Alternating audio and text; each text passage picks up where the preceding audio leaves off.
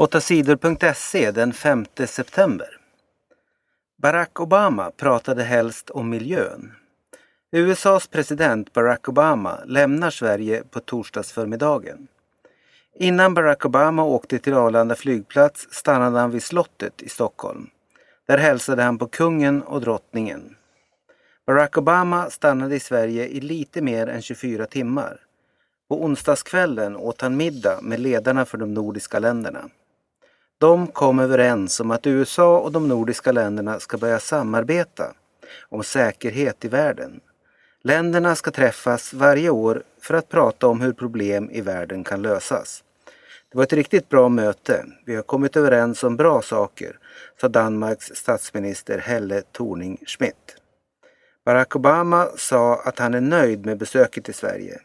Han fick många frågor om kriget i Syrien men han talade helst om hur bra Sverige är på att ta hand om miljön. Det är något vi i USA kan lära oss av, sa Obama. Nu åker Barack Obama vidare till ett viktigare möte. Ledarna för världens 20 mäktigaste länder träffas i Ryssland. De kallar sig G20-gruppen. Syrien kommer att vara en av sakerna de ska prata om. Två män dödades i Göteborg. Två män blev på onsdagen ihjälskjutna i Göteborg. Det hände sent på kvällen i området Biskopsgården. Männen som dödades var 17 och 28 år gamla.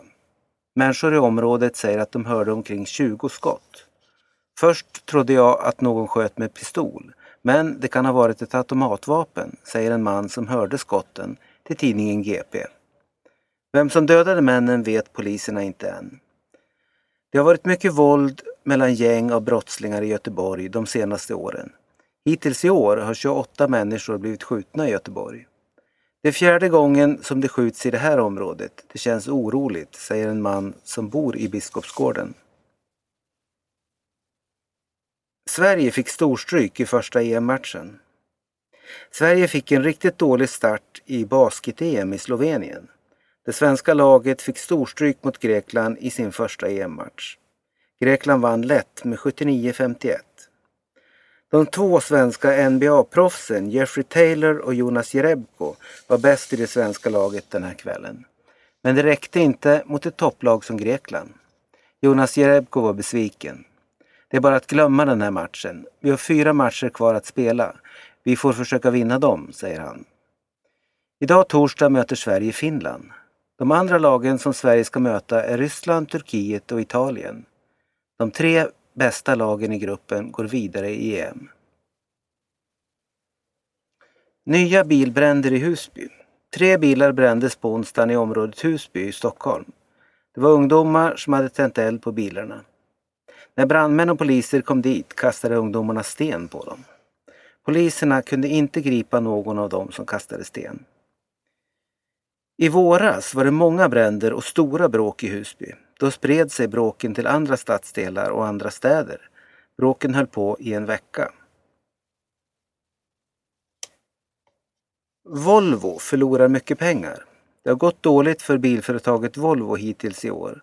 Volvo har sålt för få personbilar och tjänat för lite pengar. Företaget har förlorat nästan 600 miljoner kronor under årets första sex månader. Men Volvos kinesiska chefer är inte oroliga. Den senaste månaden har det gått bättre. Volvo har sålt 66 procent fler bilar i Kina. Cheferna tror att Volvo kan sälja ännu fler bilar och gå med vinst redan i slutet av 2013. Det svenska bilföretaget Volvo köptes för tre år sedan av det kinesiska företaget Geely.